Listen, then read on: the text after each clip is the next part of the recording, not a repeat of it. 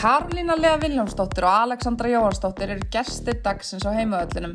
Þær eru báðar á sinni fyrsta tímabili atvinnumönsku með stórleðanum bæjuminn hérna og Frankfurt í Þýskalandi. Önnur þeirra vandeldina og hinn spilaði byggarúslita leik við Wolfsburg.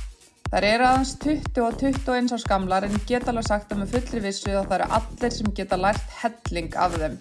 Mjög ungar voru þar báðar komin í stórt hlutverk hjá uppveldisleðanum sínum FH Haugum, hafa spilað yfir 40 yngri landsleiki og skiptu svo á sama tíma yfir í blika og eru báðar mættar í þýsku úrvalsteldina og æfa með mörgum að bestu leikmönnum heims.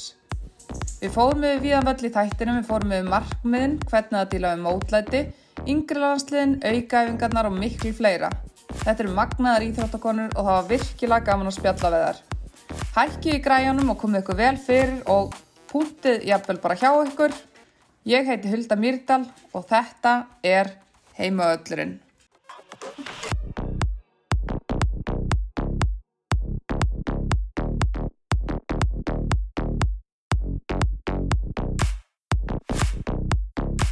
Jæja stelpur, þið eru mættar í sömafrí til hérna Íslands. Hvað segir þið gott?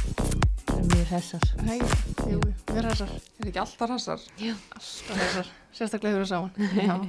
En Lína og Laxa, er það? Aldrei heyrt á þér en... Ég er frekar kvöldu Lea heldur en Lína. En Já. Karó er samt oftast. Kara og Alex. Það er svona tveir sem kalla mig Lexa. Ég held að það segir ekki Lexa. Karó Já. og Alex. Ég las bara eitthvað starf í hinni hliðinni þess voru spurðar það er nokkur ár síðan hvað væri þið hötuð það var Lína og, og Lexa mér bara ágætt en hérna hvenar, hvenar komið þið heim? Uh, við komum heim, við með þess að fórum saman heim. Uh, hvað var það í byrjun júni? Já, fyrir, fórum- fyrir landslýsverkefni. Já, fórum beint í landsverkefni mm og fengum svo frí eftir hana og svo fyrir við að fara aftur út núna. og hvað er þið svona að nýta, nýta íslenska sumarið í? Bara að chilla, sko. Já, bara vera með fjölskyldinu og kæristanum og vinum og svona. Mm -hmm. Fara í sund. Nú sakna þess að fara í sund. Já, er ekki engin laug í Það er ekki svoleið, sko. Frankfurt? Ekki heita bótanir, sem er sko. Nei, þannig að þú ert mikið, mikið í sund, er það sundi. synda? Nei, bara í bótinu. Já, það er fínt að slaka eftir en á þýsku deildina. Sóðuna eins. Já, þeim var ekki gott að því, er þið, ekki, er þið þreyttar eftir síðasta tímabil? Já, við spilum svo mikið. Eða svona, ok, bara fyrsta árið í atvinnmennsku, þú veist, þeir eru í deildinni. kannski andlega, Já. frekar en líkamlega. Já. Það er ekki svolítið þannig. Jú, andlega þreyttar. Já, við komum inn á það á eftir svona, hvort þið séu eitthvað pyrraðar yfir, yfir eh, kannski, þið hafa alltaf spilað mikið og þarna er þetta kannski ákveðið svona Mm högg, en hérna deildinu sumar, þið spilaðum breyðabliki fyrra, hvernig er svona fylgjast með deildinni frá Þýskalandi? Ógstlega erfitt. Ég hef missað bara svo skríti. Já. Ég er náttúrulega, pappi er náttúrulega að þjálfa breyflik, Mhm. þannig það er svona, mér líður stundum eins og ég sé að tapa þegar þær eru að tapa. Mm -hmm. Þú veist, það er ekki hægt að tala við mig þegar þær eru að tapa, ég er svo pyrruð. En ég held að sé bara út í, ég held svo ógstlega mikið með pappa og náttúrulega vinkonum mínu bara. Þannig, Hefði þú, ef þú hefði verið áfram Íslandi, hefði þú getað spilað undir hans stjórn? þessi gæti alveg, en Hvernig myndi það enda? held, neða ekki vel. Taliði mikið um fótbolta eða þú veist? Já, alltaf mikið. Mamma og sýsti mín og bróða minn er orðin vel dreitt á því, sko. Já, Þannig, þannig að þú gefur hann með eitthvað ráð. ég gef hann þá, já. En hérna, bara deildin í sumar er, þú veist, hún, það geta allir unnið alla. Hvað er að gerast fyrir þessa deild Við finnst það komið svo óvart. Já, þetta er mjög skemmtilega núna, held Já. Eftir að þið fóruð? Er bara svona á þetta að vera, eða ekki, eða þú veist, En af hverju er þetta svona núna? ég, kannski bara, þú veist, mistu, þessi stórlið mistu leikmenn en líka bara hinn hafa verið að sækja sér góða leikmenn og kannski bara svona hugafær líka hjá hinn liðinum bara svona, já, við getum, þú veist, Já, unni leikina. þessi, þetta lið vann þær, við Já, getum það líka, eða skilur, mér finnst það líka, það er svolítið eins og þegar við vorum að spila. Mm -hmm. Í den, nei, Já, situr hérna 19 ára. þá, hérna, þá fannst mér oft sundur bara eitthvað svona, þá var sumlið sem bara eitthvað kvildu leikmenn á móti okkur út af Já. það var svona viss, eða fattari finnst það ekki svona núna, það er bara svona Nei. allir fara bara 100% í alla leiki og Og bara allir geta unnið alla. Ég var að spá hérna leiki um daginn. um eitt réttan eða eitthvað.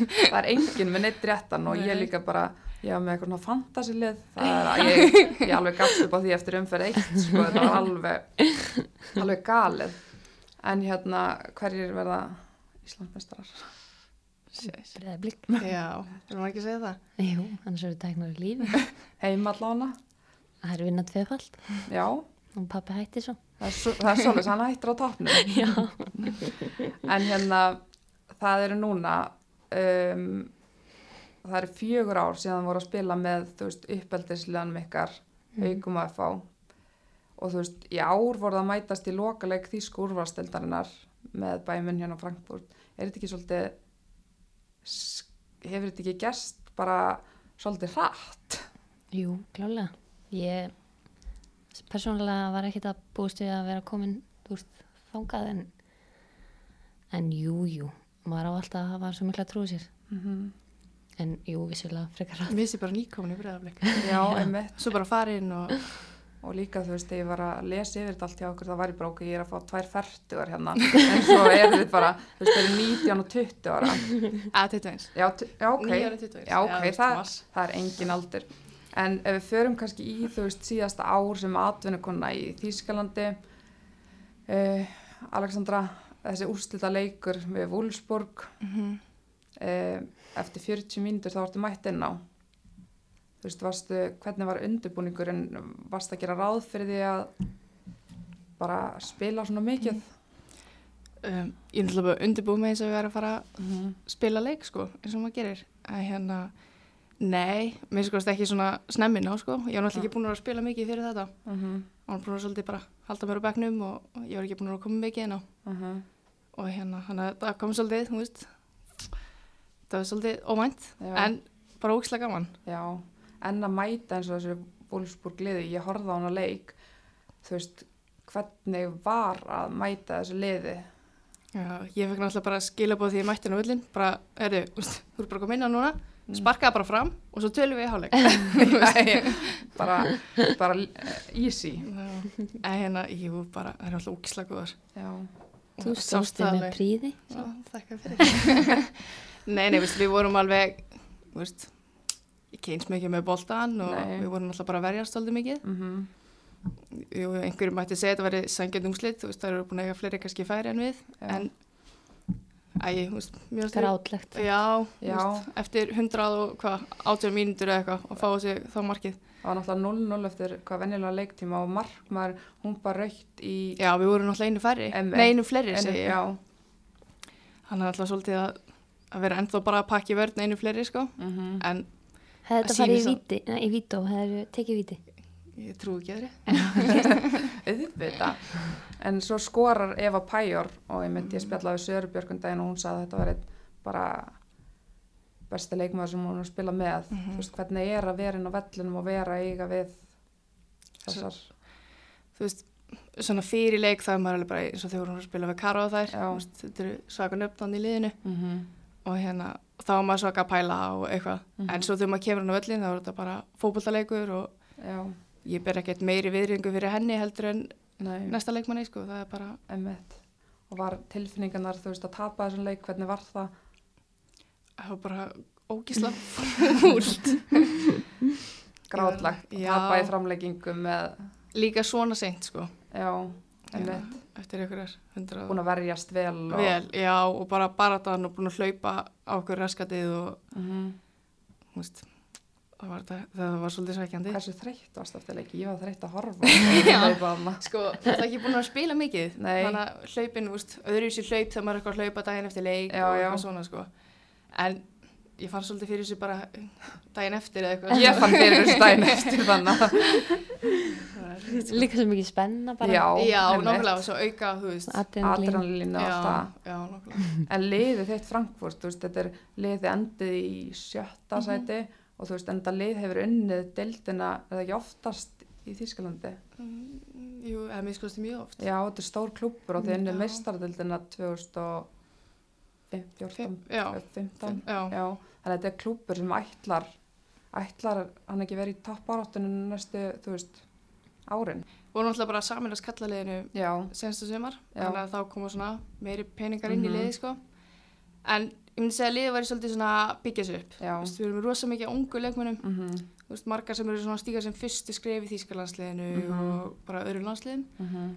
þannig að eftir nokkur ár held ég að þetta verði bara alveg toppliðið þær fari ekki allar í stærri lið sko. Stóra liðin. Já, en þú veist, þeir eru, við erum svolítið svona flakkandi, eigum bara geggja leiki, Mm en svo getum við alveg farið bara í eitthvað, jú. já, já, svolítið jójó.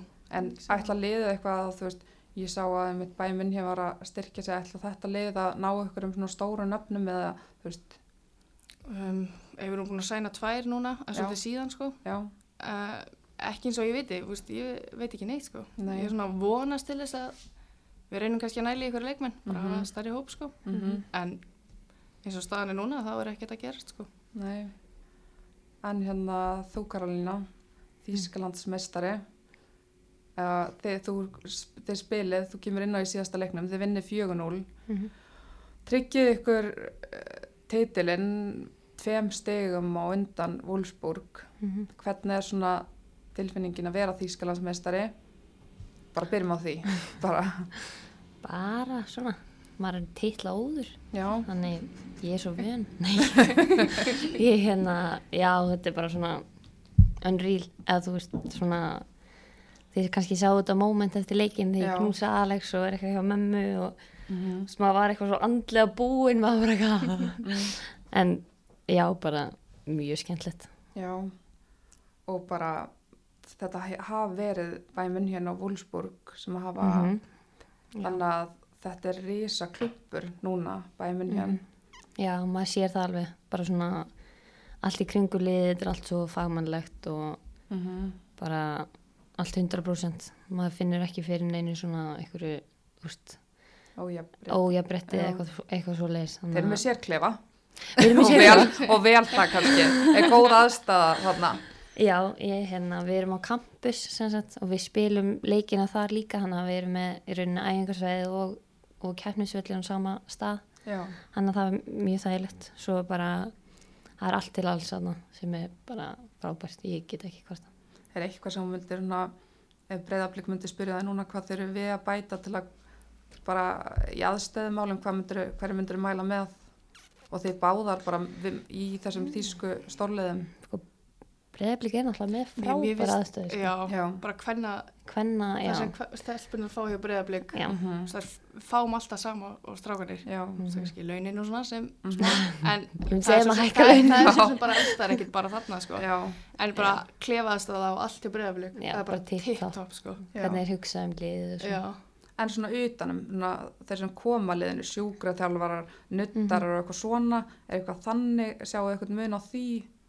Bara kannski meira, þú veist, sjúkarþjálfarnir og, og allt er í 100% starfi bara Já. hjá félagin úti. já. En hérna er náttúrulega, þú veist, eins og hjá okkur í Breiðablík voru þær í sportusinu og komu Mhm. svo, þú veist, til okkar. Mm Þannig það er svona munurinn, en náttúrulega aðstæðan gæti alltaf verið betri, þú veist, það er alltaf hægt að bæta eitthvað. -hmm. En svona áhærendunir það nóti og stuðningsmenn og svona þetta markaði setningin á, ég meina eins og Já. bæminn hérna er rísa stórt á eins og samfélagsmiðlum og það eru margir að fylgjast með, finnir mun á því að þú veist, Já, það er svona alveg mikill munur, það er aðalega þessir followersar, þú veist, -hmm. þú veist, það er svo mikil, það er náttúrulega bara meira fólk í já, eða þú veist, bara maður fær eitt shoutout og þá bara hækka, eða þú veist, þetta er það allir er svona að social með. media er svo stórt en við fengum ekkert að upplifa áhverjandunum alltaf og það er það var COVID allan tíma já, já, en það verður gaman. En þeir eru það árita plaggöt og, já, já, og þú veist, alls konar svona mm dót sem að hjálpar, þessu hjálpar að fólk fylgist með og þetta, Mhm. þannig að það mætti kannski bæta þetta í liðanum í Íslandi. já, meiri svona þú veist eins og, þú veist það er svona sneið svona lítil, svona áritunar kort sem Já. er úti. Þú veist, það var alveg sneiðt að gera það bara enn í Íslandi skilur, þá Mhm. getur þær bara verið að sæna eða þau, Mm -hmm. það er mjög sneiðt gaman að gefa svona eitthvað með og svona. Já, vantar meira þetta út af Mhm. markasetningin alltaf skipti málut og þá kemur fleira fólk á völlin Já, já. og allt Mhm. þetta. algjörlega En þið voruð að, í bæjan voruð að semja við hana og Líón, koma, já, hvernig bærið þetta fram? Þú veist ekki byrjuð á því.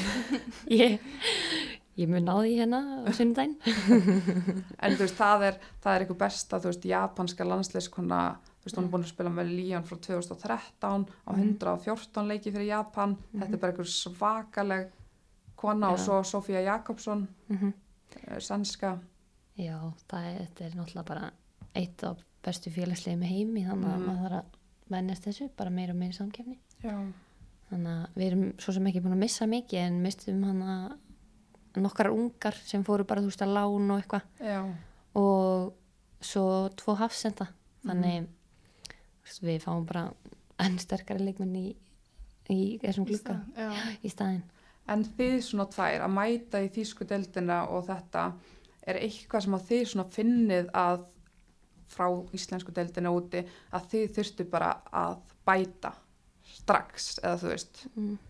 einhverju þættir í ykkar. alltaf bara að hæra tempó Ég er bara tötts á boltan og Já, fljótur að gefa sér boltan og allir úti veist, mér það svolítið að byrja atvinnumönsku eða ætlar að ná eitthvað í atvinnumönsku þá þarf það að vera með gott höll þú þarf að vera með þess að tækni Mhm. þú veist, svolítið íslenski þá kemstu svona upp með að vera Já, bara já. eitthvað æ, skiljið Já, já, og en þarna þá þarftu einhvern veginn að ná tötsi og gefa hann strax annars Mhm, þarftu bara mhm. kyrniður sko. og vera búin að hugsa kannski næst, næsta leik alveg langt fram í tíman. Já. þannig það er aðlega svona tempóið með boltan og svoleiðis Já. Það. Mm. En mér finnst svo formin, formið eitthvað svona, veist, margir á Íslandi bara í jafngóðu Mhm. formið og getur hlaupið mikið og allt Mhm. svolítið, þannig að þetta er bara svona, gera, geta, gert þetta allt Já. bara hratt með bolta. Já, því tæknilegri dild bara Já, þess ekki þannig. já, en Smá svona, meira fysikul. Er það, já, þetta er náttúrulega þýsk grjót mikið í Já. ykkar liði, bara vélar Já, þetta eru þýskar vélar en þú veist, þið báðar eins og komst inn á þann, voruð ekki að spila þið hafa náttúrulega alltaf verið í sviðsljósun og verið að spila mikið. Hvernig er það bara svona að koma út mm. til Þýskalands og svo bara, herðu, þú ert á bekknum og farið hérna síðustu fimm? Bara reynskili svar. Hvernig fer það með hausin á manni? Sko ég kem meitt út náttúrulega Mhm, og já. það er svolítið svona að byrja bara með því að horfa einhver svona og gæt náttúrulega ekkert sínt mig nema að lifta ykkur lóðum sem ég er ekkert mjög góð í. En hérna þá svona veist, maður sá bara hvað voru ógísla góður og að bara í hver, hverju einustu stöðu bara ógísla góður með og ég þurfti náttúrulega bara að koma mér svolítið inn í þetta. Mhm, þú veist, bara að finna eins og sjálfströst sem skiptir svo ógsta miklu máli. Mhm, þannig fyrir mig var það bara svona já, veist, ég þarf kannski bara að bæta mig í þessu, skilur mhm, og var bara mjög mikið með eins og styrsta þjálfarunum og æfa aukarlega með einum þjálfara og, og þú veist jú, ó, þú veist, óksla pyrruð og ég er alveg kjæfnismannskja og vill alltaf vera að spila en Mhm. samt, þú veist þú veist, ég ætla bara að vera brjálu á þessu sísóni skilur, Mhm. ég þurfti bara, maður þarf bara svona að vinna sig inn hlutina, þú veist kannski aðeins öðru í sig hjá Alex Já, eiginlega bara svona fyrsta tímbilið sem ég var ekki að spila, einmitt. luxusvandamál. mhm, En hérna, hann að var alveg, að var alveg skellur og bara tók alveg ávandlega, já alveg á hausin á manni, sko. hvernig þá eða þú veist hvað þið hafi náttúrulega alltaf fengið mikið hrós og þetta og verið mikið mm bara aðal konunar Já, líka erfitt líka bara út að við vorum einar úti, Já. skilur, þá var Já, maður alltaf kom með heim, hausinn, alveg já. brjálaður og bara, þurfti ennþá að vera hugsa um þetta maður var alltaf einn, eða skilur, maður gæti ekki verið með eitthvað eins og, veist, ég fekk mömmu út Mhm, og þá bara svona gæti ég fara á æfingu svo fór ég bara að gera eitthvað allt annað með henni. Mhm. það, það munar svo ókslega miklu. Mhm. Þú veist, það hefði kannski Alex verið með einhvern hjá sér þá. Þetta verið aðeins meira. Næs, en ég Mm. hérna var náttúrulega alveg á bekknum í byrjun á bregðablík sko. þannig að ég, þú þekkir. Ég var svona, hef lent í alveg smá mótlæti já, en en svona, Alex hefur alltaf um þannig að hvernig fer þetta þú veist, er það fá til dæmis að þú minna Alexandra hopparinn liðið hjá blikum þannig ertu á bekknum og það er kannski engin einhver þýsk landslískona að koma og spjalla hvernig þið líður, er það? nei, ekki mikið. Hvernig er það, þú veist, er þetta svona bara, er það að reyna að vera félagar líka eða er þetta bara grjótarð samkefni bara? Mm, það er svo margar ungar hjá Mhm. mér að veist, þær eru allar voðalega bara Já. jolly og, og hérna, mm svoleiðis. En, víst, aðeins eru þær að tengja við þýsku stelpunar. Já, já, heldur hún Heldur en, já, ég hérna að ég er meira með bara öðrum útlýningum í Já. liðinu. Frá hvaða löndum eru þær? S- Brasilíu og hérna Slóni, Já, já. svona tvær sem ég er aðla með.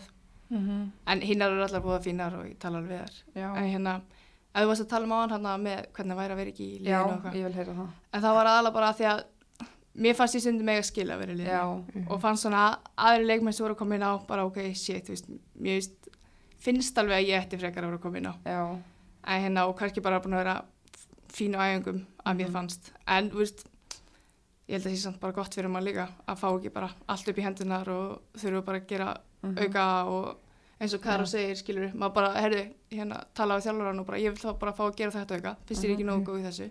Og spyrðu þá þjálfana, spyrðu þú hann á alveg hvað þú, af hverju, hver var ástæðan eða þú veist? Nei, eða ég var svo sem ekkert eitthvað af hverju spilaður í mér. Nei, nei, Meira bara, herðu, hvað það ég bæða til þess Mhm. að vera þarna. ok. Og fegstu svör og... Og ég fekk alveg svör að ég þyrfti að vera, þú veist, fljótar að hugsa með boltan og dæri dæri læra og svoleiðis. Mm Þannig að ég bara fór í það, Mhm. tala á þjálfurann og þá bara, ok, þá hérna, meðan þær eru í hérna recoveryinu og þessu eftir leiki, -hmm. þá vil ég bara vera að æfa þetta, Ok.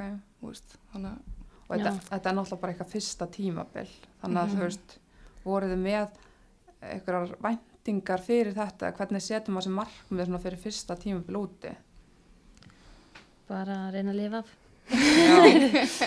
ég hérna ég setti mér í rauninni ekki eitthvað svona ákveði markmið. Ég, ég er bara alltaf að fara að komast inn í hlutina meira. Mm og þú veist bara að byrja að líða vel og svo leiðis veist, ég var mest með þarna frá Svíþjóð og Danmörku og svona. Og en alla stelpunar þarna eru alveg indislegar þarna liðsheildin hjá okkur er alveg mögnu myndi ég segja. Þannig þú veist, það var aldrei eitthvað svona eitthvað disko en, já, en já eins og segir þú veist, maður átti kannski óslega góður æfingar en kom svo ekki inn á. Og þá auðvitað var maður alveg brjálæður já, en maður verður bara að taka þetta á kassan já, þið gera það alveg. Hafið einhvern tíma fengið, þú veist, út af nú hefur byrjað að tala svo mikið um eins og hausinn, eins og þú sagðir að sjálfströst skiptir öllu máli eða mm þú getur verið góð í fótbolta en þú veist með ekkert sjálfströst. Hafið þið fengið einhvern tíma einhver aðstof með, þú veist, andlega þáttin og sálfræði, þú veist, bara hausinn í fótbolta? Já, ég var hérna hjá Íþrósálfrængi en ekkert að viti fór í ykkur á tvo tíma eða eitthvað. Og bara, þú veist, bara til að veist, það var ekkert að, bara til Nei. að skerpa hlutunum og þú veist, þú veist læra ykkur leiðir og eitthvað svona. Bara, Mhm. þú veist, og það ég, ég fór í íþróttasálfræði í Flensborg Já. og mér varst það sjúklega skemmtilegt. Mm þannig að, þú veist ég hef mikið áhuga á svona hugarþjálfun og alls konar. Þannig bara, bara til að bæta mann í rauninni og Byggja hún á það sem að, já, veist, til að fá framistöðuna 100% Mhm. og svona, já, spennustíið já, og alls konar en já, það fannst mér alveg hjálpa að mæla með því Mhm. eða það er eitthvað svona já, eins og þú veist, það þarf ekki að vera að. Nei, í Ef- rauninni. eins og þið báðar er með þessa hæfileika það er kannski bara Mm. að þið náða max ykkur í hverjum Mhm, leik Þú veist, hvernig, hvernig ferð þú inn í leiki og ert bara, hvað ert þú að hugsa fyrir leiki já, spurning. Nei, maður er náttúrulega bara að reyna að spila aðstæður í hausnum og mm. hvað Mhm. maður getur lendi í og stundum að maður kannski meira að róa sig niður heldur en að reyna að peppa sig upp og mér finnst það svo mísað þetta leikjum. Já, snýst Mhm. um bara svona veist, Já. fyrir byggaleikin var ég alveg bara að reyna að hugsa ekki um aðstæður og bara spila smá rúlega tónlist og, já, já, en ég fyrir oft í gang þegar eitthvað svona gerist fyrir mig í leiknum einhver brýtur harkalega á mér eða eitthvað þá stuðast ég alveg upp sko. Já. Er Tekur eitt. Gott öskur og dóma. Já, Já. já, já, hefur skapið eitthvað tíma að fara með ykkur í svona gegnum tíðina? Ég heyrði, Alexandra, þú ert þú ert ljúf sem lamp utanvallar en inn á vellinum þá hérna, sko ég hef nú skánað. Ég er alveg Sko ég er mjög verða en þegar ég kem heim eftir kannski tapleik þá er ekki hægt að tala við mig sko. En hún Já. tekur alveg smá trill lík já, já, já, hérna. Já, ég er orðin betri sko. Næ svona stjórn þessu aðeins betur oft. Kemur inn að, fyrir inn að milla það er ekki alveg, en hérna jú, já, við erum hýrt þetta úr haugum og svona, það sem ég átti svolítið að rutt með skapið. Já, var það þannig? Það var svolítið þannig, en hérna en nei, þú varst svo ung? Já, ég var svo ung, ég var bara svolítið fljótu upp og án þess að kannski eiðilaði rosalega mikið fyrir mér Nei, en nei. ég bara gati ekki tapa á æfingum og þá bara tala ég ekki við neitt eftir æfingu og bara strunsa inn í klefa og heim og En það hefur nú alveg skálað sko ég. talar ennþá við eitthvað stelpur úr haugum eða lokuðu þeirra ráðu eftir þetta nei, nei, nei, nei. Það ekki lengur en það. Já. ok, en hérna sko eh, áður við förum svona aðeins í ykkur hérna litlar þá ætlum við í bóði Dominos að henda ykkur í smá keppni sérst hversu vel þið þekkið eh, hvar aðra og um, já, bóði Dominos og það er náttúrulega EM í gangi og það er tvennið tilbúð þar og, og þið stelpur þið fáið ykkur einhvern tímann ykkur að hotla pítsu Já, Jú, jú. við elskum hotlarspitsur. Já, hvað setur þú á þína, Karolín, eða þú værir alveg? Ég er mjög mikið fyrir döðlur og pítsu. Já, Mér er það alveg Já. málið. Það er voðalega fína pizzuna, fengum alltaf eftir, stundum eftir leiki og Já. bregðarblik. Á, var fínt. Já. Pizza eftir leik, sko. já, það er næs. En hérna, ef við byrjum á, Ég er Eh. ekki enn búið með einu spurningunni. ég veit ekki það. svarið. en hérna, við byrjum sérst, við ætlum að kanna hversu vel þið þekkið hvora aðra. Mhm. Ef við spyrjum hérna, bara byrjum á þér, Karolína. Mhm. Hvað fer mest, og Alexandra er sérst búin að skrifa niður svör, svörin, Mhm. Hérna, hvað fer mest í taugarnar á Alexandru e, í fótbolta?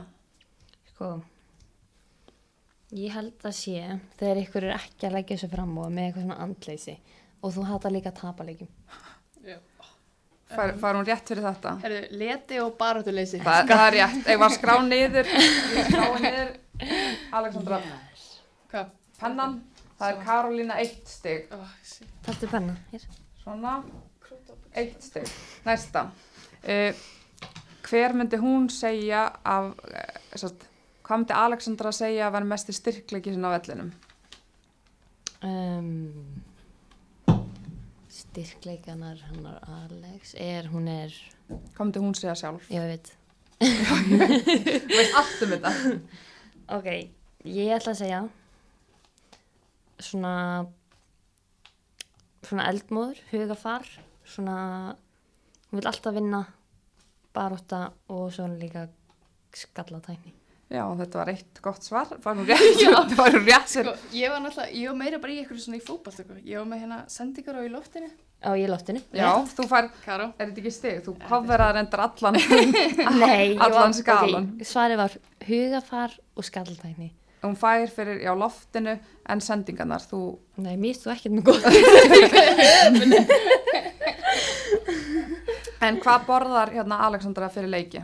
Við- Já, ok, þetta var aftur spurning. Já, Er þetta bara það sem, ef ég hef verið á Íslandi, hvað ég borðið fyrir Já, leiki? já, bara, ég er Jú, jú. Já, ok. Sko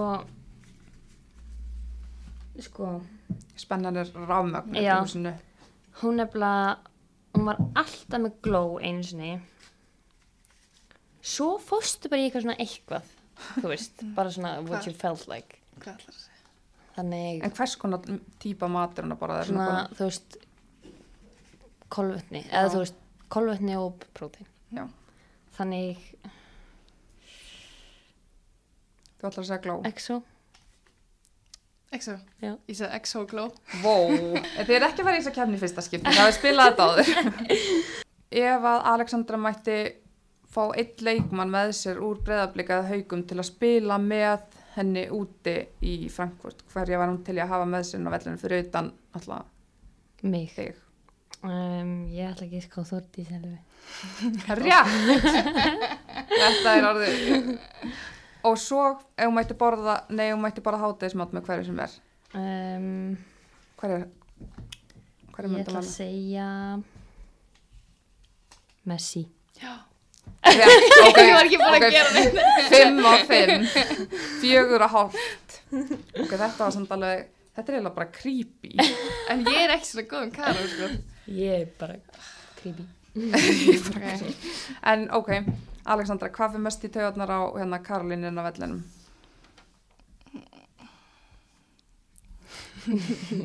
Segðu það bara. Sko, ég get alveg trúið að það sé svolítið svipað hjá mér. Einhver er ekki að leggja sig fram og svona.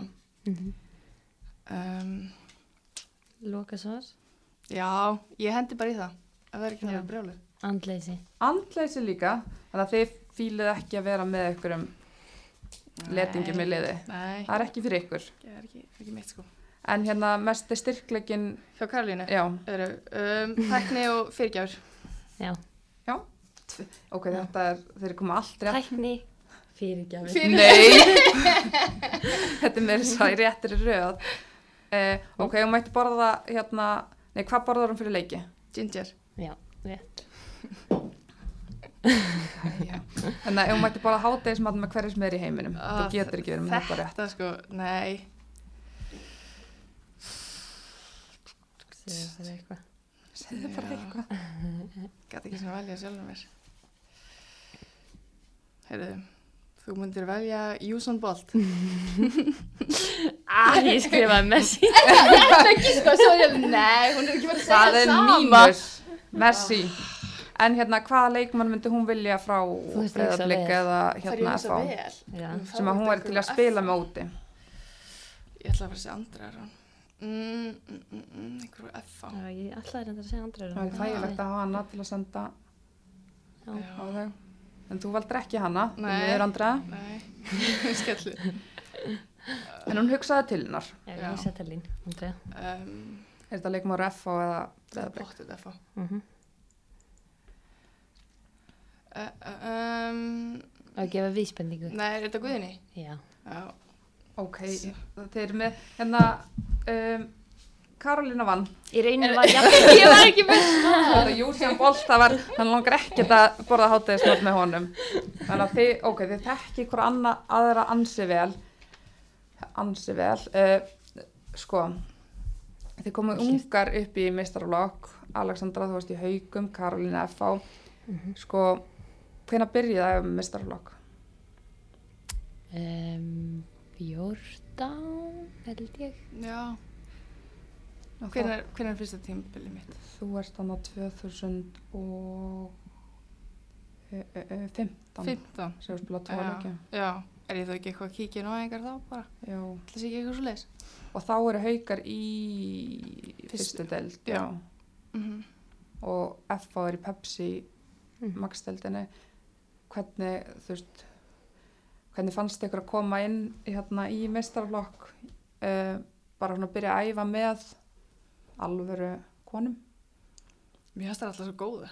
Mm Hverja voru þannig í haugum sem að stóðu upp úr þegar þú ert að koma inn á Mér finnst hérna hérna Sara. Rakel, Fyrirli- Já, já. fyrirlið sem var þá. Mm Þú veist, hún góð og Rún var góð og kempa sko. Nei, Þórdís var ekki komin. Þúrti svo að koma bara saman tíma og ég.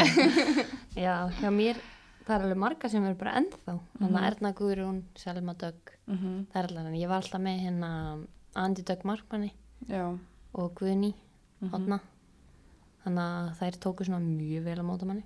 voru það með sterka yngri flokka eða þú veist þegar þið eru bara í fymta Já, mjög sterka. unnið allt Svona flest. Við vorum svona sterkar sjötafloka eitthvað. já, Svo fór svona að tínast úr hópnum hópnum. en Þannig að- 2000 í haugum, það er þú og Þórdís Elva Mm hverja fleiri voru þarna mm, 2000. Katrín hana, markmaður. já, sem var, var Já, svo Sæjun, náttúrulega hún er 2001. já, Svo svona, það voru nú ekki margar eftir nei, í lögin sko. af hverju, hvað klikkaði það er spurning. Það fór alveg FH. Já, fórum rosalega margar reyndar í FH. er það, út af þær voru svo Við voru vorum þær að- alltaf ekki með annan flokk sko. nei, ok, Þannig að- af Nei, hverju Ekki þarna, Nei. bara ekki með mannskap. Þannig að þú veist, þegar það kláruði þriðja flokk, þá fór einhverjar yfir og... já, er þú veist þið sögðu líka í hinni hliðinu þið myndu aldrei spila með FH og ætlaði þú aldrei að fara í FH Heyrðu, ég fór nú að fund með þeim sko. já. Ég var að fara að skipta lið. Það var nú bara, það var bara, Ég mæla alveg með FH, sko. Það er náttúrulega frábæra aðstæða núna sérstaklega. um, bara mjög vel haldið utanum allt og já, vonandi verða þær bara fasta menn í Pepsi bráðum. mhm það er mjög gott lið nú. Já, hægt að fara niður, ég skil Já. það nú ekki. svolítið jójó búin að vera en Guðni var að þjálfa Guðni sem var að þjálfa Já, hann var aðstæðþjálfara minn. já, ok þannig að FA á Hafnafjörðin svona í hvernig megin eða Og kalla mig. Heyrðu, þau hvernig er unni nú fyrsta, Já, reyndar. fyrsta leikinn tímfili. en er það að fylgjast eitthvað með þú veist þessum liðum núna Já, Já, við þetta kikið. maður fylgist alltaf með Já, það er svolítið mikið bara á netinu. Já, Mætti Heima kannski vera völlurinn. duglega að vera að mæta á völlin, sko. mhm og bara þykir náttúrulega bara væ- mjög vænt um Væntu svona klúbin, Já. já. Já, en hérna, þú veist, Karolina, þú ert hann 15 ára í F og þeir í Pepsi Max-deldinni. Uh, þú skorar hérna markið á móti Ía, Mm. er það ekki, kemur inn á það, varstu já, ég kom inn á í hálfleik fyrsti leikurinn? Það já, þetta var fyrsti leikurinn í Pepsi en ég var búin að spila eitthvað í faxanum eða eitthvað, lengjunni Mhm. eða eitthvað Og hvað skilabóð fegst áður en? Þú ert, Ha, manni. þú ert nýfætt þarna að fara inn á og þú, þú skora sig um markið, varstu tollerið inn í klefi eftir leikin? Nei, ég maður er svo eitthvað lítill maður pælir ekki þessu í neinu ég held ég að posta þessu Instagram og svo bara fara Svo, svo var, var, Instagram komið þarna? já, já, Ó. En hérna, hvernig var svona um, á þessum tíma þeir eru þarna og Alexandra, þú ert með haugum uh, Sara Björk, hún er náttúrulega í haugum, hversu mikilvægt var að hafa hana svona sem fyrirmyndi að þú veist, hún kemur á haugum og Já, um, náttúrulega bara gegja að náttúrulega bara góð fyrirmynd fyrir alla, Mhm. skilur ekki endilega bara þessum að haugum. Nei, mitt, en jú, jú, þetta örgulega meira haukastelpur sem líta svona upptælunar og potið allar, sko. að, að það líti allir sem Já. bara, en svona að hún hafi verið í haugum og komist svona langt Mm hún er alltaf bara mögnu fyrirmynd Mhm. bara sýnir að allt sé hægt einhvern veginn Mhm. og ég heyrði að þú veist, þú varst í fótboltaskólanum hann að eru 2008 eða eitthvað þá var strax byrjað að taka eftir að þú værir þú gæti ná langt passar það þú varst bara, Ég hef ekkert verið að pæla. en það var það var eins sem ég talaði við sem saði bara að þetta er bara sama hugafari í þessum krakka og hún hafði séð í Sörubjörg það eru smá líkar sko. já, hvernig hvaðan kemur þessi ægi inn á vellinum og bara þessi, þessi þetta keppniskap og þetta Það er spurning. úr haugunum Þetta er beint ásöldum. Nei, ég veit ekki. Ég hef bara alltaf verið svona rosalega hvaðan kemur með þetta? svakalig keppniskap. Mamma er ekki svona, sko. Pappi er ekki... Ég veit það ekki. Ég er svakalig, sko. Ég get ekki spila spil eins og, sko. Já. Ég Nei. bara gríti það er bara að kostum í fólk og Hvað er þetta að spila? ekkert. nei, en ég var bara svona, "Nei, ég er alveg fín núna. Það var bara náðu fyrir. Já, en þú veist, hún er eh, komin að lif Móna leita mig hjálpar þessu. hvernig lifistu komin á? eitthvað eitthva við reyði? Alls ekki. En hérna, þú veist, þið setið ykkur markmið frekar ungar. Mhm.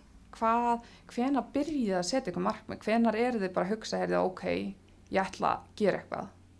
mm. Mér fyrir finnst- náttúrulega, já, Já, segir þú já um, mér ástu að vera svo ung þegar ég var bara, ég ætla að vera atvinnumar. Ég ætla þá? bara í landslið.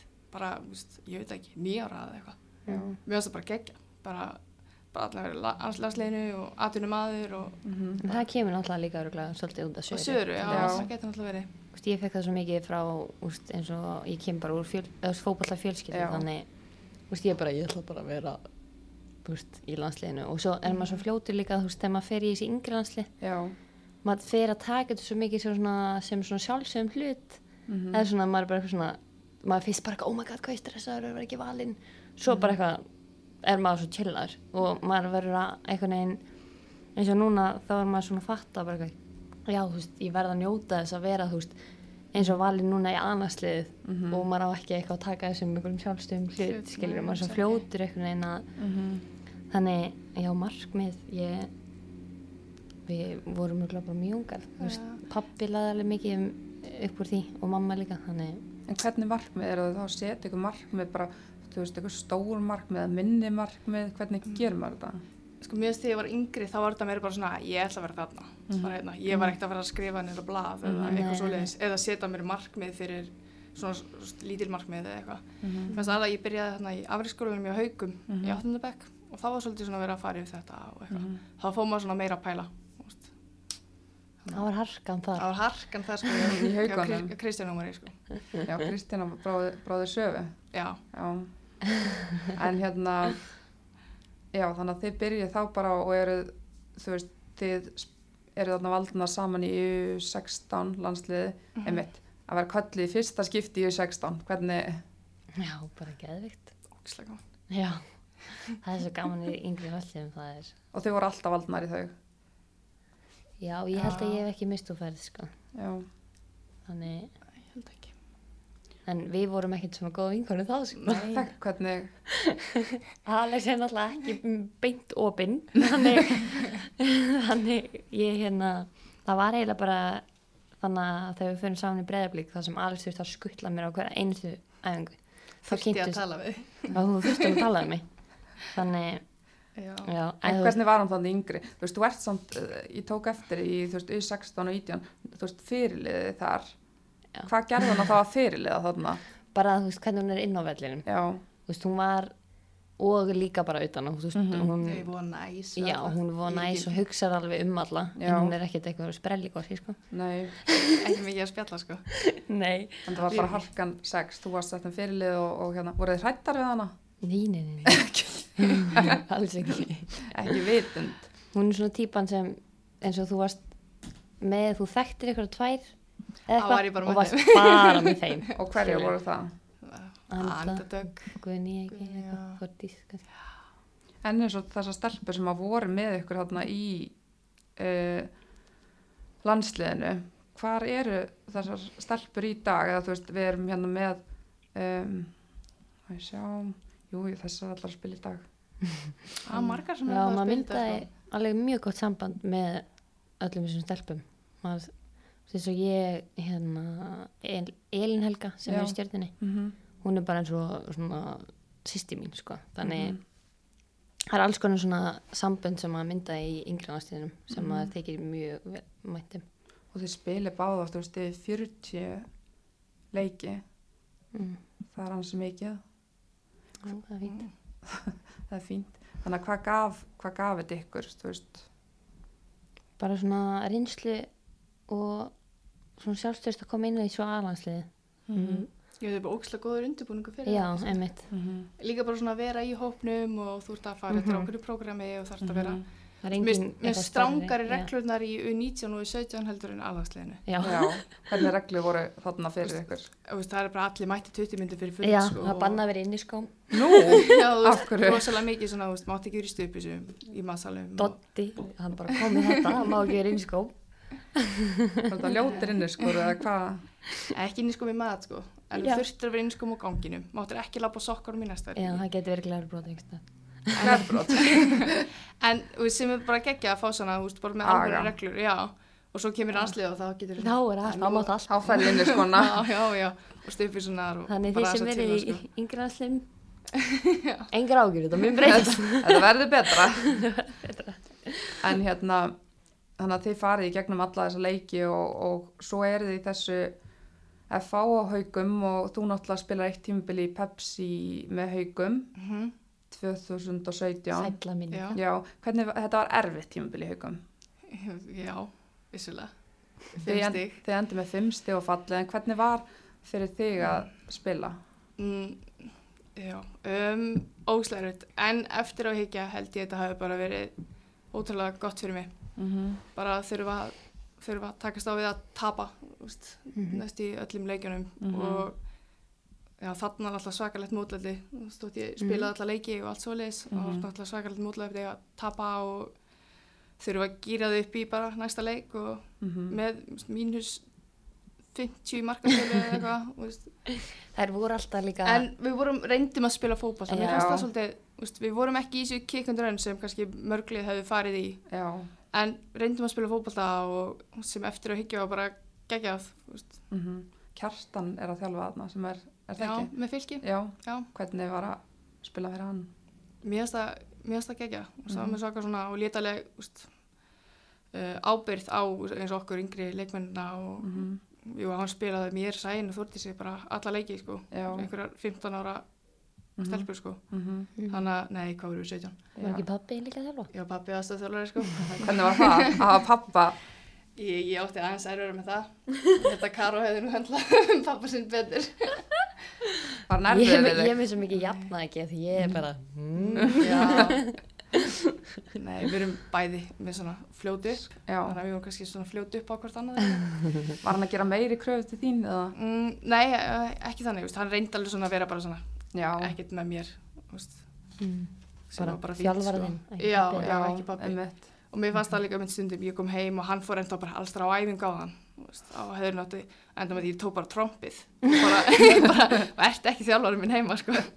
læstu þið fenni í herbyggi en hvernig var að mæta þú veist og þú spila líka Karolína í þú veist Pepsi Max deildinu svona litlar þú veist þannig er Margrét Lára Harpa Þorstens, Fandís þeir eru að mæta Mhm. þessum kannski stelpum sem að þið voru að líta upp til hvernig var að mæta þessum bara öllum? Já, bara sjúklega gaman. Það var, og svo stressar já, já. ég leit rosalega upp til hérna Dóru Maríu. Já. Þannig að ég var bara svaka. Mér fannst það mjög gaman. Mm og maður læri svo mikið á þessu bara af þessu. Þannig, já, bara gaman og þið voruð ekki að fara inn í skélum þá þóðu værið að mæta mistarflokk þið voru, voru þið ekki alveg að setja kröfur á ykkur og maður er svo lítið að hugsa þegar maður er svona lítill. Maður er bara eitthvað svona ég held ég að nú ekki verið mikið skilin hérna í hugunum ekki inn á vellinum allavega. Það er svo skipt svo miklu máli þegar maður er svona ungur að fá bara trösti og bara þá er maður bara, fullu sjálfstíð já, já, fá bara að vera svona smá krakki en þá og Mhm. já. að, hefur örugglega verið smá fíblulæti mér og þúrtis einhvern tímann trúi því alveg En þið, af hverju, þið skiptið svo báðar yf- yfir í blika 2018, mm vil ég segja okkur söguna frá því, Karolína, hver hengdi þig? Já, alltaf að ég er úli ykkur báðar en Steini var ná bakvið og, og mér fannst bara svona persónulega mér var bara komin tíma á svona smá tilbreyningu Mm -hmm. ég var byrjað svona staðna eins fannst mér Mhm. og þurfti bara svona um, að breyta til fá meiri samkeppni og svo leiðis Mhm. þannig, já Úli var náttúrulega með einhverju yngrelandsliðum og þekkir okkur báða mjög vel Mhm. þannig hann var örgulega bakvið þetta bæ Og var þetta eina liður sem kom til greina hjá þér? um, heldur betur pappi er náttúrulega bliki Já. Þannig- já og mér fannst þetta svona eina skrefi sem væri mikið upp á við Mhm. þú veist, ef þá var bara um miðja deild á þessum tíma sjötta sæti held ég. já, þannig að það hefur mjög skrítið hefði farið í eitthvað veist, Mhm. annað í rauninni það var í rauninni bara breyflika valur Og þarna ertu sau- 16-17. já, ég var alltaf ekki komin í bílpróf Hvernig fórst aðeingar? alveg skiltaði. Þannig að, þú, þannig að þú, þeir eru búin að kynnast þarna þessi yngri landsleganum og heyrðu þið eitthvað í hver annari fyrir þetta, hvað kemur til að þú ferð yfir? Mm, við erum alltaf fjallum Mm -hmm. með haugunum þannig að og mér fannst ég ekki tilbúin að fara, til að fara kannski aftur í eins og þá inkassodildin Já.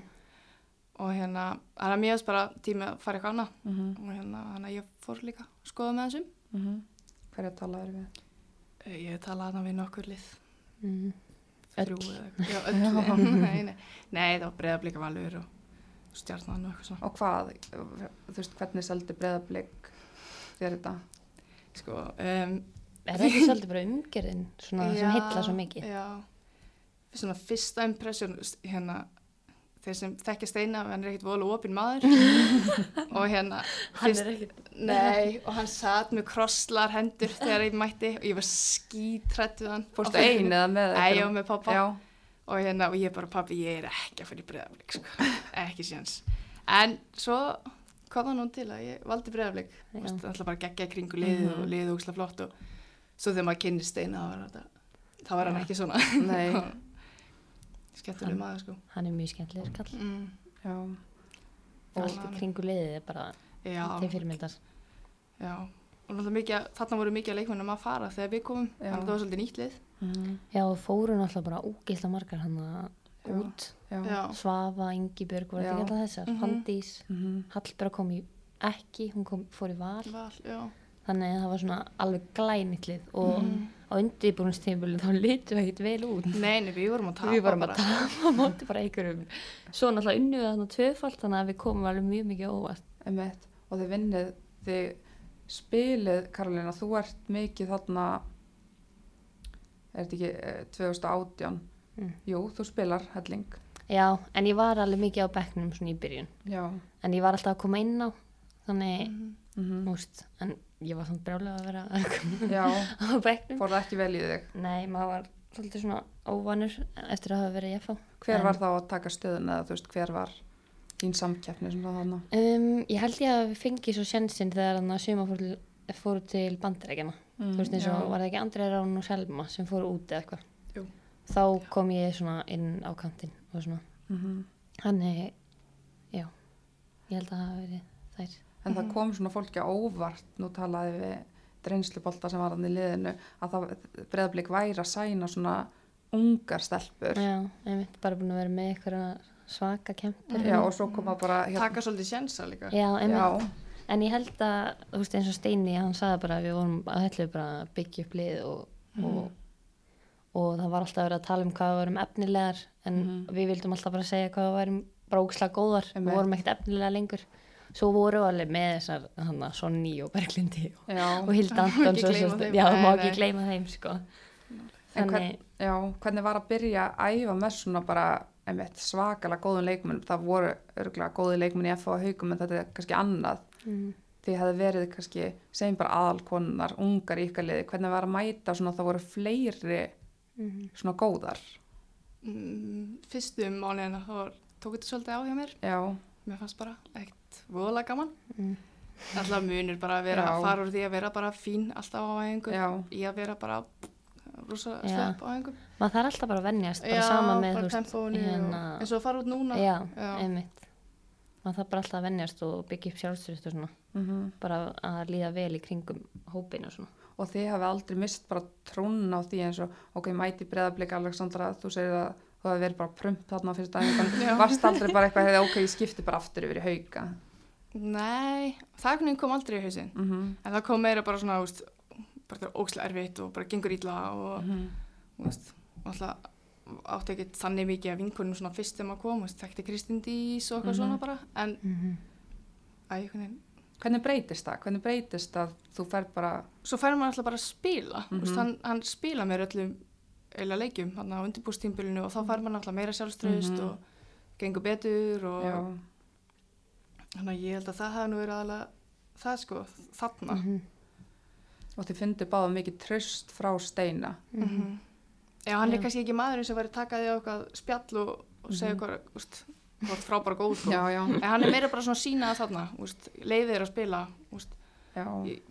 kannski ömul í einhver leik en hann spila með svo næsta leik. þú veist ekki bekkjuð í tíu leiki Nei, nei, en hann að, ég held sér allir mjög líka ánæður að hann sé komin í landslið mm -hmm. bara það ber allir svo mikla verðingu fyrir honum og að vita allir einhvern veginn hvert hans plan er. Þannig það er mjög næs að hann sé komin í landslið Mhm. og fundið mikinn mun þú veist það hefur náttúrulega verið talað um það í landsliðinu hefur verið að ráða kannski miða við á þann stað sem landsliðið er komið þá ætti þú veist einmitt meiri kröfur að vera þjálfara þetta, hann mætir hann núna. Maður sá það náttúrulega bara í leikjunum landsleikjunum núna að hann var búin að setja svona sinn svip á þetta. Mm -hmm. fundið þið fyrir því mikið? Og mm, mér finnst bara svo þægilegt hvað þetta er líkt breðablik svona. En já, standard um, mér finnst bara svona, í svona skýrt, úst, við ætlum að gera þetta. Mm -hmm. og svona. Og úst, við spiliðum ekki eins á móti ítölunum, eða úst, vörðumst ekki eins á móti Mhm. ítölunum og, Mhm. og Írlandi að þetta er náttúrulega bara ekki sömu liðin. já. Þannig að, já, svo gott líka að hafa ása með? Mm og er hann lettur hann er já, léttur. hann er hann er líka með gott svona pep-vídeó og svona. Ég fíla það. Góður að klippa. Já, og þegar þið, já. En maður fann það alveg svona, þú veist, nú er uppleikin alltaf meira að spila Mhm. í reyna það með sko, Já. stegi í gegn og já, haldi halda meira í boltan Mhm. sem þú kannski ekki hefur verið íslenska Mhm. landsliðsins, nei, eða hvernig landsliðsins og hérna þannig að það tekur auðvitað bara tíma að byggja það líka upp þannig að þótt við séum ekki bara orðnar veist, Barcelona eftir mm Mhm. þrjáleiki sko, Mhm. þá tekur allt bara sinn tíma sko. En þeir eru bjart sína fyrir, þú veist, eins og undakefni HM núr EM á næsta ári, þú veist, Já. er ekki spenningur bara fyrir þessu? jú, klála hann er líka með mjög mikið svona sigur hug, hugafar hann Mhm. tapar ekkit oft sko Nei, tók okkur líka alveg að því að eftir hérna Já. fyrirleikinu mútið Írlandi og Mhm. þú veist, það var ekkert mikið fagnað, fengum marka á okkur hérna og Mm -hmm. eitthvað tvö mörg Já, og það eitt hann alveg í lokin og unnum samt leikinn Mhm. og það var einhvern veginn ekki, það var bara allir svona, já, unnum. já, Mm Og hann tók okkur bara hefði stefnur, þá var bara ekkert að vera sjálfsagt hlutur að vinna leik. -hmm. mm. Bara um að fagna þessu og Mm. hana. Það er að bygg, byggja upp svona sigur hugafar. Ég meit.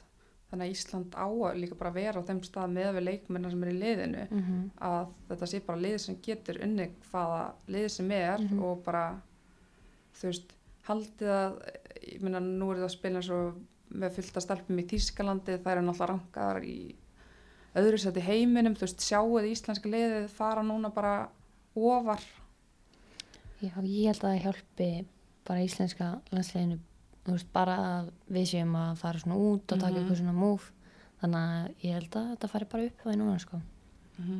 Ef við heldum heilar og Já, bara allir leikmenn sko. já, Já, allir það er séu- bara meiri leik, fleiri leikmenn að fara út að spila. Bara Mhm. fara í sterkara Betri lið. deildir og já, betri lið og, og bara vonandi allir bæti sér sem einstaklingar og það verður við betra lið sko. Mhm. þannig að þeir eru spenntar að fara að spila fótbolta Já, ég Lars- fann líka bara svona liðseldin er bara hjúkla góð í Já. hérna Góð stemming. Já, mjög góð stemming hver heldur uppi stuðinu þar Náttúrulega aðalega ég og Karolína. Við erum svakal Ég heyrði samt, ég fekk ábendingu að hérna, sem sagt, þegar mæ- mætið í breðablik þá hérna, er það mitt ungar að koma þar inn, ef fólk var ánátt með hvernig þið komið inn í hópin og það þarf líka að vera stuð og stemming. Alexandra, þú syngur, eða þú ert söngfugl, Já, greiti sjómenna Hver var er þetta? þetta að syngja fyrir leiki, fyrir stelpunar? Eitt eitt lag eða eitthvað sko. Við tökum eitt við tökum, Þú tekur ekki einn. Nei, nei, ég fæst þetta Karo með mér og svona ákveðna stelpur. Nei, nei, jú, þú veist.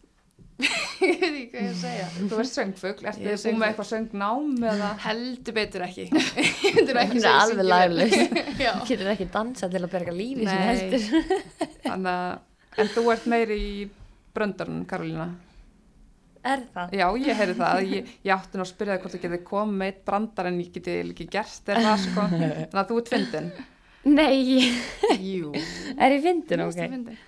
Ég, já Karo brandara kall. Get, getur Sko, verið sýsti mín er, þú veist hvað sýsti mín er mm Mhm. Margrét Vala, sjátt á það hana Já, Hún er einn fyndnasta mann sem ég veit um Þannig að ég er taka hennar brandar og kem með það inn í klefana, ferska. Og hún ásæðast heiðurinn af þeim. Já, þannig að Hvernig brandarar er þetta? alls konar Hún er bara, hún alltaf veit ekki um. Vist, Fyrir það fyrsta En Er þetta fótboltabrandarar? Valla. nei, en það er svona kannski taktlist að vera að koma með eitthvað annað en í klefa Nei, En Nei, hver, nei, hver ég- er hérna líka, hver er hérna næst fyndnust þá eða væri breðablik? Sonny Lára. sko ég á ekkert í sonn Ég er, ég veit ekki Sonny hvað Lára er kongurinn í þessu öllu, sko. hún Hvað er er hún að gera sem er svona, maður heyrir þetta alltaf? Hún bara talar, sko, þá fyrir ég að hlæja henni. Já, hún er bara legend Er hún að segja sögur af sér eða? Sko, hún Já. hefur alveg komið einhverja sögur og mér finnst bara að fyndi að heyra hana þegar hún Já, byrjar, sko. þú veist, ég myndi, er að ég með hana á Instagram eða? Hún er, hún er orðin svona, held ég, Instagramari, hún er svo, Áhrifavaldur? já, hún er orðin áhrifaldur. Hún var að sína frá hringferðinni, Þetta er bara, hún er, hún er bara, Hún er hún er, æði. hún er best, sko. Hildur Antons er líka, Já, hún er skemmtileg. það er alltaf Hún bara svona, er svona að horfa. fyndin án þess að vita hún sér. Já, Svo svolítið svo leis. Hún dettur inn á vellinu. Já, gerir eitthvað svona fyndið, auðvitað hlæja af henni stundum. með henni að henni. Þetta er sama. Það er alltaf gott að það er hlægið. Þannig að er mikið verið að hlæja í þýsku, þýska klefanum. Einhverju þýski brandar En, já, en við skiljum hvað þeir eru að segja. Ég veit ekki af hverju, er það að hlæja mikið? Já, já, Já, ok. alltaf í mínum klefa. Já, Já. þýsku bara. Já, þetta er algjörða steikur, sko. Já, mér alltaf. já. Já, ég er eini í liðinu sem tala ekki þýsku. Já, ok.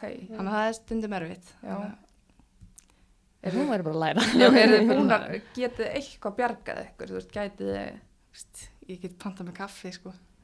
nei, nei, ég, nei, ég get ekki talað Nei. en maður er svona farin að pikka upp öll orðin sem er alltaf verið að segja sandan, maður, já, það þarf ekki lengur útskýra fyrir mig hvað við erum að gera úst, í Nei. hverju, Vist, ég bara skil það sem hann segir ok. en ef einhver er að byrja að spjalla sko, þá svona ég alveg út Karó er enda sko sterkar en ég í þessu Í þýskunni, Já, ég var sett í tíma, sko, 90 myndin tíma, tvisar í viku. frá bæjar.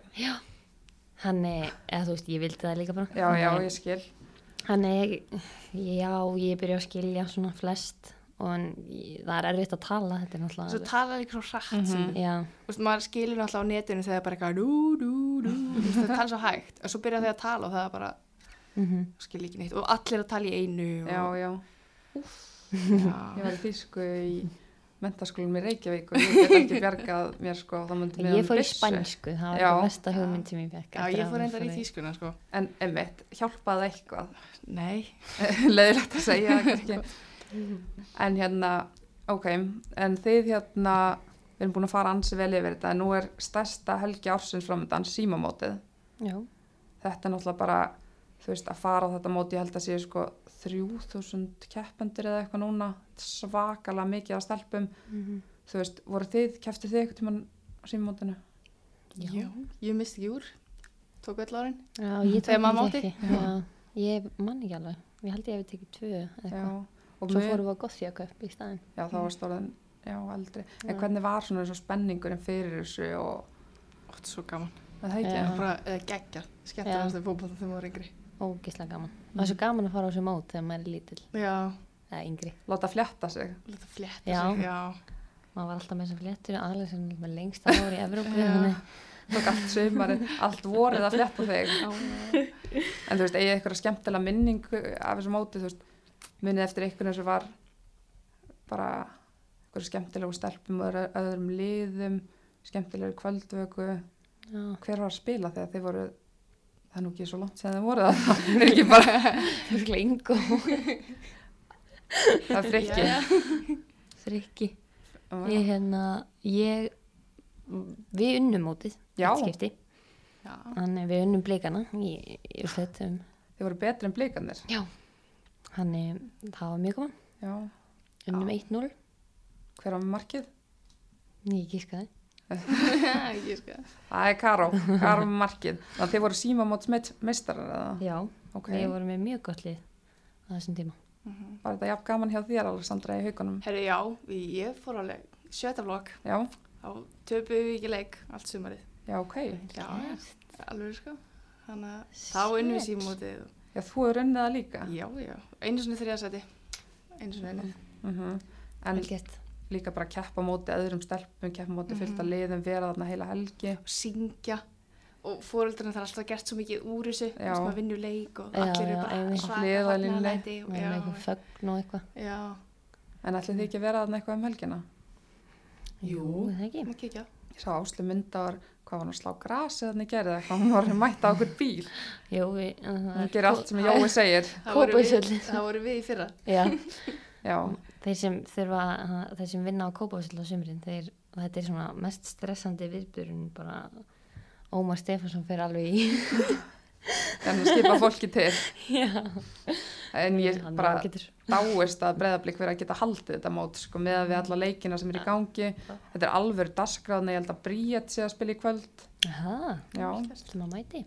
við verðum Og fremstar líka bara allir sem er í kringum þetta. Er rosalega mikið sjálfbárast af. Mhm. Já, ekkert smá. Allir dómarinn og krakkar að hlaupa með úrslitin Já. og... veistu, Þetta er svo mikið líka fjölskyldu klúpur. Þetta eru bara sem er foreldrar einhverju barna sem bara mæta og setja upp skilti og bara, Þú veist, ég mætti hann í gær og þá var hún að rúlla inn plakkatum hún hann mamma Kristján Sigurs Þú veist, Já. Kristján að spila í BVF og hún Já, er mætt hann í blikum þú veist, já, queen. þú veist það er allir til að deyja fyrir mm Mhm. klúbbin hann Mm. Þannig- Já, það er einmitt.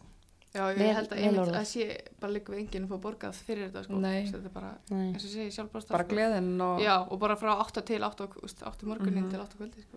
Mm þannig að þetta verður geggjuð helgi Það eru ógislega gaman. og er eitthvað sem þið mælu með eða þú veist, eitthvað sem að þið viljið segja við svona unga stelpur sem eru að fara þetta mót annað en að skora sigumarkið svona eitthvað að hafa gaman eða Já, Já, alltaf bara skiptir öllum mál að hafa gaman. Mhm. já, þegar maður er svona ungur þá ætti ekki að vera að pæla inn en að maður bara njóta þess að spila og, og reyna að bæta þeim með hverjum liklum. Mhm. Mm Og spurningin, sko, var gaman eða, eða hver vann, mm það er frekar, var gaman, mm þá er þá er markmörnina, Já, sko, einmitt. heldur en að hver vann mótið, sko. Mhm. En já, þannig að við erum bara spenntar fyrir helginni í Kópói. En við veljum í hverjum þætti heklu þáttarins en það er einhver um, kona sem hefur verið að bara skara fram úr utanvallar, er bara mögnuð innan sem utanvallar og við ætlum í þessum þætti að velja eina úr hafnafyrði, það er viðeigandi það ekki, Jú, mjög. Já, mér finnst það. en hún er frá uh, réttum staði Hún er hafnafyrði. rétt megin við lækin. Nei, það er ekki. en það er hérna, við ætlum að velja sérst Rún Friðriksdóttir sem að er hérna hún er nú mentaður helbriðisverknæðingur og Alexandra hún gaf þér eitthvað tips þar Já, já. Hvað til maður að með því? og fórst í það Þegar ég fór í það, búið með tvö ár. í helbriðisverkfræði Já. Já. En fyrir ekki núna út af, er ekki með fjarnám, sko. nei, Þannig að- en getur þú byrjað það aftur þegar Já, spurning. Já, veit ekki. og allan hefur þessi tvö ár alltaf í, í, Já. en Rún hefur spilað sér satt, uh, alveg hundrað leiki fyrir hauka en það sem að hún hefur líka gert er að hún fekk um daginn viðurkenningu frá haugum fyrir sérst, 100 leiki fyrir félagið og svo bara framlag til hauka í gegnum tíðina Mhm. utan vallar veist, þetta er svo mikilvægt að fá leikmenn sem hafa verið að spila til að starfa í kringum félagið Mhm. og bara er, hefur verið meistaraflósráði og allt þetta hvað, hvað getur þú sagt okkur um Rún? Rún er alltaf bara mögnuð. Þú Sjáðu bara núna hún er hætt fótbolta og þá fyrir hún bara einhver hlaup og þú veist, hún er ofverk, sko. En hérna, en hún er alltaf bara geggjuð. Þú veist, Mhm. með to- toppeingan er útskrifast með þú veist, 9-5 eða eitthvað úr heilbrigðsverkfræðinni og Já, ekki bara myndar, myndarleg nei, og þú að ég bara svona liðsfélagi sem vilt hafa í liðinu einu. já hún var náttúrulega fyrirlið eitthvað í haugum og Já, árið eftir ég fór. mm Æ, hún bara tók okkur, við vorum hann hvað, veist, 16 ára eitthvað þegar Mhm. við, ég var hann og hún var bara alltaf með okkur, bara, þú veist, sprelli okkur líka og tók vel á móti ykkur já, klálega, veist. og náttúrulega skipti máli fyrir hauga að hafa bara svona uh, svona mannesku, mannesku að, sem er til að gera allt fyrir félagið og stoppar ekki þá hún sé búin að leggja skóna á hillina Nei, alls ekki. Nei, guð. Hún er bara haukar í húðahár. mm þannig að hún far okkar fær bíl frá heklu Nei, hún hérna, þetta er í bóði heklu bílaðinbóðs, hekla styrkin alltaf íslenskar fótboltakonur þannig að þær halda með stelpunum eða þau halda með stelpunum þannig að það er bara geggjað. En það er náttúrulega líka Karolina, við, við völdum hérna Ingibjörgu auði fyrir Já. nokkru síðan, hún er náttúrulega samskonar kona í breðablík já, hún er frábær Það er allt í öllu, sko. já, hún er bara algjörst hörkutól ég var Mhm. að mynda spjalla við henni gær og við töluðum í hvað fimm mínútur og hún var með 13 misskóls hún er bara hún er alveg á fullu hún Já. er bara frábær sko, já, bara tilbúin að gera allt Já. fyrir okkur stelpuna sko. Hún talar líka, hún talar fallið um ykkur líka, þeir það er auðvelt að vinna fyrir ykkur. þeir hún sagði að það væri yndislegar. ég held að, já, hún frábær en við ekki heldur eitthvað mjög erfiðar hann í bregðblika á þessum tíma Þannig að þetta var bara svona gott samstafna, það er náttúrulega bara lífsnauslegt að hafa svona geggjaðar konur að starfa fyrir utan. klálega En svona, ég er búin að halda ykkur núna í klukkutíma, hvað, hvenær farið það út núna? ég fyrir sundaginn núna, Mm Og ég fer 16. föstudaginn. Er ekki föstudagur? held ekki Og byrjar þetta þá bara fullu? Eða, Já, eða fyrsta enn mér er 17. já, Ég var ekkert að fara mikið fyrir. Eh, ég fer í ykkur svona test klöpatest og eitthvað Mm já. og svo byrjar að hengi að rögla með ykkur deginum eða eitthvað, ég veit ekki. Og hafið þið haldið ykkur vel við efnið hérna með voruð í fríinu? Já, ég myndi segja það. Við höfum ekki efna á því að mæti í ykkur Nei. heilu standi tilbaka. Við erum ekki orðin á drottningar, Í Nei, Þýskaland en þá? ekki ég, ennþá. ég hitt ykkur kannski eftir ára en hérna bara ótrúlega gaman að fá okkur, Já, bara þeir eru geggjaðar. Uh, hvað á hvað stað, ef að ég verð hérna ennþá, eh, kannski einhver annar búin að taka við að mér í podcastin eftir fimm ár, hvar sé ég ykkur þá, Alexandra? vonandi toppliði í mjög sterkri dild. Hvort Mhm. sem það er þýska eða franska eða, eða spænska. Mm Ég held, já, vonandi, mm -hmm. uh, markmið. Mm já. Já, bara á okkur mögnum stað. Við, við getum alltaf meira og við munum alltaf að halda áfram. Þannig vonandi kannski í sama liði. Það væri nú, það væri nú eitthvað. Hún getur að halda áfram skvilla mig. Skuttlaðir. En hérna, bara takk kærlega fyrir komuna og bara góða skemmtun á símamótinu Takk fyrir. og bara já, takk fyrir að- að nenna, heyrðu, spurningarna frá fylgjendanum, heyrðu, ég var næstu búin að kveðja, við bombum á okkur hérna nokkrum spurningum. Já, já. Þetta, ég skal velja ykkur á þrjár hérna góðar. Við erum ekkert að líta okkur. Þið hefur ekkert að fara. Hérna, um, þegar þið voru að taka aukaæfingar, þegar þið voru bara yngri eða segjum bara í breðablik, voru þið, voru þið með eitthvað þjálfara eða liðsfélagað voru einar? Hvernig hafið þið svona verið að æfa aukalega? Mikið eina núna með þjálfara úti. Já, En í breðabilg fórum við oft tvær, bara inn í fífu og eitthvað. já, Og hvað voru þið að æfa? Mikið að skjóta. já, mikið að skjóta. Karolina kannski teik. Skallan? Ég var mikið í fyrirgjónum í breðabilg. En svo líka bara um, um, styrkur, mm Mhm. svolítið mikið í því kannski auðvitað. Þegar við æfum kannski sexum í viku og, Mm og eins og Já. þegar það er bara sig þá er kannski erfitt að vera eitthvað að lifta, að það er fínt að halda sig við þannig, sko. Í svona einhverjum Mhm. styrtar, styrtaræfingum. Já, um, já þegar maður er yngri og það er svo, svolítið gaman að fara bara að skjóta. Já, Það var langt skemmtilegast. hver var í markinu hjá þér? Stundum bara enginn, oftast þannig, sko. Já, ég fór oft með pappa svona þegar ég var yngri. Já, Bara, það var smjög voðalega cool að fara með hann. bara að æfa eitthvað. Þá var hann bara með keilur og svona. Skemmt. Maður fattaði svona setna meira að eh, hérna, þú er kannski ekki alltaf að æfa skotin, sko. mm Ég Nei, leik einmitt. lendi rosalega þegar ég var í breyðablík, ég var ekkert mikið að skjóta. Ég Mhm. skaut, þrísar á markið, þannig að fyrir utan teik bara allt sísunni, en það var eina sem maður æfði því, sko. En hvað hefur viljað æfa annað? Ætlum að ekki, þetta. Mm -hmm. Er eitthvað sem þú gerir, já, bara eitthvað sem þú gerir ógislega mikið í leik. En ég er ekki að segja að ég gef ekki skotin. Nei, nei, en Bara- hafið eitthvað tíma að fara samt í eins og hotjóka eða eitthvað tegjur eða eitthvað svoleiðis, þetta fótbolta fólk er bara svolítið styrt er Ég er eitthvað náttúrulega liðug. Já, ok. Það er. Nei, ég tók hérna alveg hálft ár, þar sem ég fór alltaf í hottöku á. Já, Það var hérna, fór með mömmu. Já. Það var voða næs Mhm. og ótrúlega mikilvægt fyrir hérna svona þess það sem er að æfa mikið. Mhm. Já, og líka bara breyta til. Ekki Einmitt. alltaf verið í fótboll að Nei. hlaupa eitthvað. Og þetta þarf stundum ekki alltaf að vera eitthvað sem þú ert að brenna svo eitthvað mikið. Stundum Nei. þarftu bara að tegja og stundum þarftu bara að fara að slaka á í pottinum Mhm. og Einmitt, bara hugsa vel um sig. já, nákvæmlega. Kvíld er eins mikilvæg og Mhm. aukaðingin Mhm. oft. Er þið með eitthvað kvilda daga eða þú veist, er það að æfa hverjum degi úti?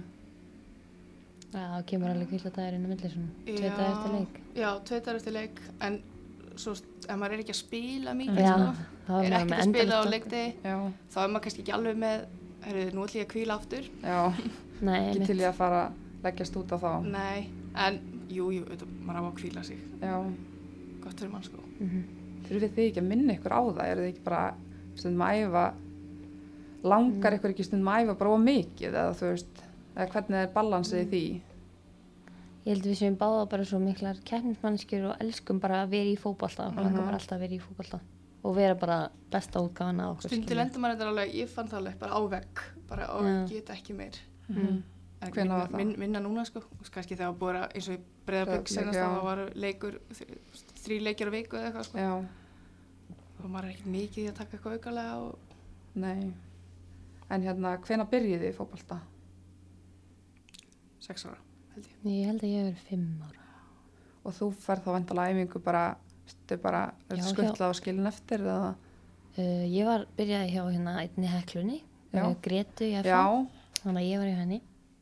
Hún er búin að alveg nokkrar góðar. hún er algjörð algjör góðsögnan í krigunum sko. Og var gaman að mæta þá á já alltaf gaman og þá veist það var svolítið svona, það snýst ekki allt um bara allt í nú fótbolta, þetta var Mhm. svolítið mikið bara svona leikir og eitthvað fyrst, bara svona gleði. já, Svo svona þegar maður kemur í næsta flokk þá fyrir þetta meira að vera svona Mhm. alvöru. og þau voru margar að æfa þarna hjá henni. Já, mjög margar. Við vorum alltaf mjög margar í Já. en hinn er með vel ekki. Það? Jú, það Af, af hverju byrjað þú að æfa? Ég veit það ekki. Ég var bara okkur að láta henni aðeingu. Varst ekkert mikið í fótbolta, þú veist, fjögur að fimm, eða þú veist, varst, já, það var Varstu bara í einu fimm- Ég veit Þú það varst í ekki. fimmleikum? Ég var í fimmleikum. já, Já, ég var alveg, þú verðlaun, já, nóga velum. þú veist góð það. Snýst ekki allt um Já. vel. Nei, nei, Já, ég var alveg fín þar sko. ok, hvernig hættir það? Hætti áttara. Hún var líka í handbólta bara eina af efnilegustu. Ég er hérna. Í handbolta, og hvernig hættir í handbolta? 15. Ok, þannig að þarna varst í ykkur úlingalansliði þar eða? heldur betur Já, já, Já, ok, hvað stöðu spilaður þar? Ég var á miðju. Ok, þannig að þú hefur alltaf verið á miðjunni bara að stjórna Já, já, já. leiknum. Og af hverju velur fótboltan? Það var svo sem bara alltaf ég ætlaði að velja fótbolta. Já, ok. Það var hérna, það hitt bara svona gaman eða? ég hitt ógslagavan, já, geggja á vitunar að vera í handbóltanum. Já, Það var líka orðið, það var orðið svolítið mikið þegar ég var 15 Já. og maður bara þrjára einhver fyrstu dögum og því það var áriðsæðing líka og mhm, það var svolítið mikið þannig en hérna já þannig að það vissi alltaf allir ég væri að fara að velja fótbollan og ég var ekkert eitthvað feimið við það eitthvað, segja það. ég sagði það bara, ég ætla að velja fótbollan Og var ekki allt brjálað enn í íþróttofun ás, ásöldum? Nei, Allir rólegir. allir óleir það var svona aðalega milli þjálfara maður þurfti að fara fyrra þessar hengu til Já, að fara já. þessar hengu og... Ok. En fimmleika þjálfarinn, er hann grátandi Nei, í dag? já, það var áttar að því að ég En hérna eini viðbót bara, ef það er eitthvað eitt, hvað var það sem kom ykkur svona langt í fótbolta? mm, kefniskapið já, bara frábæra fyrirmyndir sem ég lít mjög vel upp uh, mjög mikið upp til og hérna og bara svona sjá eins og Sara maður hefur æft með henni Mm þú veist, maður sér bara já, ég held að ég geti verið hann eftir nokkrar ár, skiljum -hmm. Þannig, já, og hugafar náttúrulega mjög, mjög mikið Mm og svo þarfstu náttúrulega að hafa einhverja e eitthvað í lappunum. er það ekki bara fínt? Við tökum, tökum ekki fleiri bíli en bara aftur. Takk kærlega fyrir að koma og bara gangi ykkur ótrúlega vel úti. Takk fyrir